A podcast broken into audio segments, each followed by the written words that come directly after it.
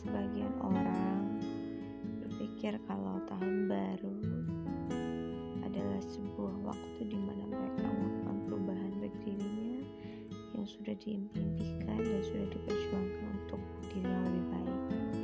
Tapi sebagian orang lain pun menganggap bahwa tahun baru itu hanya proses pengulangan hidup yang terkesan monoton atau bahkan mereka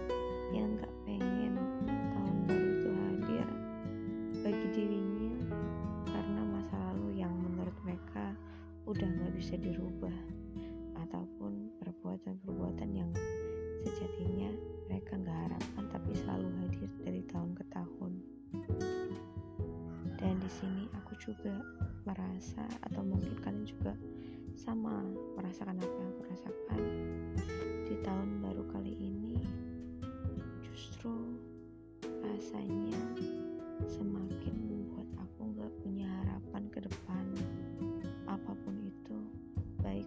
kisah percintaan kisah pendidikan atau bahkan hubungan pertemanan pun yang aku rasa gak akan ada perubahan di tahun-tahun berikutnya termasuk tahun 2022 ini.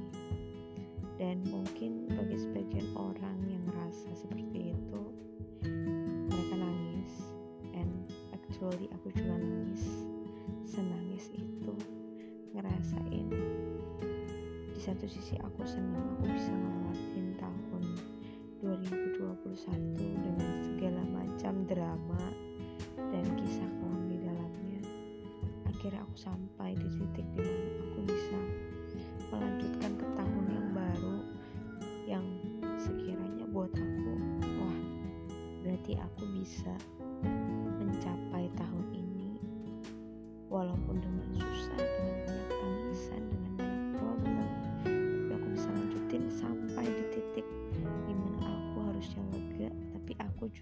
ketika mikirin hal itu nangis jadi-jadinya. Banyak banget kisah yang bisa aku ceritain ke orang lain ke dunia bahkan kesepian yang aku rasain di tahun baru pun masih akan hadir dan aku rasa dia gak akan berubah dari tahun ke tahun.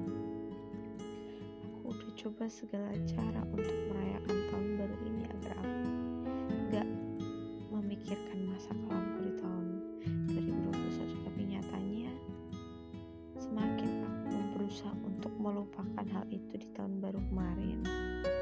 semakin buat aku mikirin aku bisa nggak ya memperbaiki diriku ke depannya? Aku bisa nggak ya berubah jadi orang yang lebih baik? Aku bisa nggak ya jadi apa yang aku inginkan di tahun ke depannya dengan berbagai masa lalu yang sudah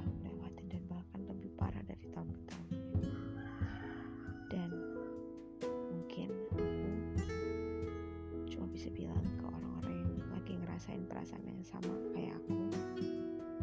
Jangan takut jangan sedih aku tahu ini berat.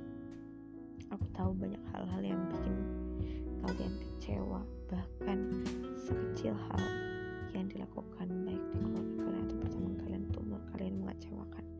Jangan bersedih lagi. Kita bisa perbaiki bareng-bareng.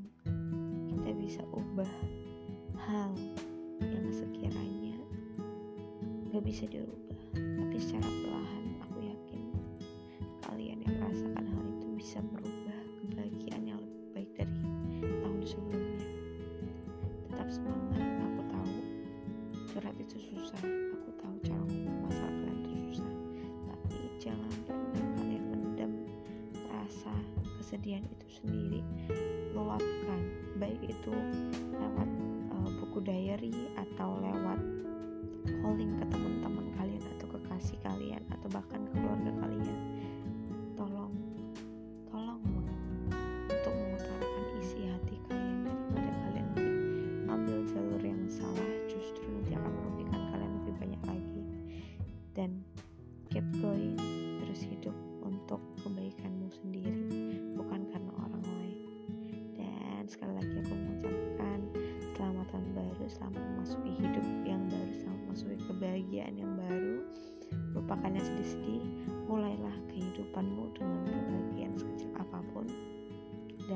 Kasih sudah dengerin podcast pertama aku yang literally hmm, masih random dan ada satu hal yang aku kasih tahu bahwa podcast ini aku akan utarakan tanpa skrip. Jadi aku akan random talk ke kalian dan aku harap kalian bisa menikmatinya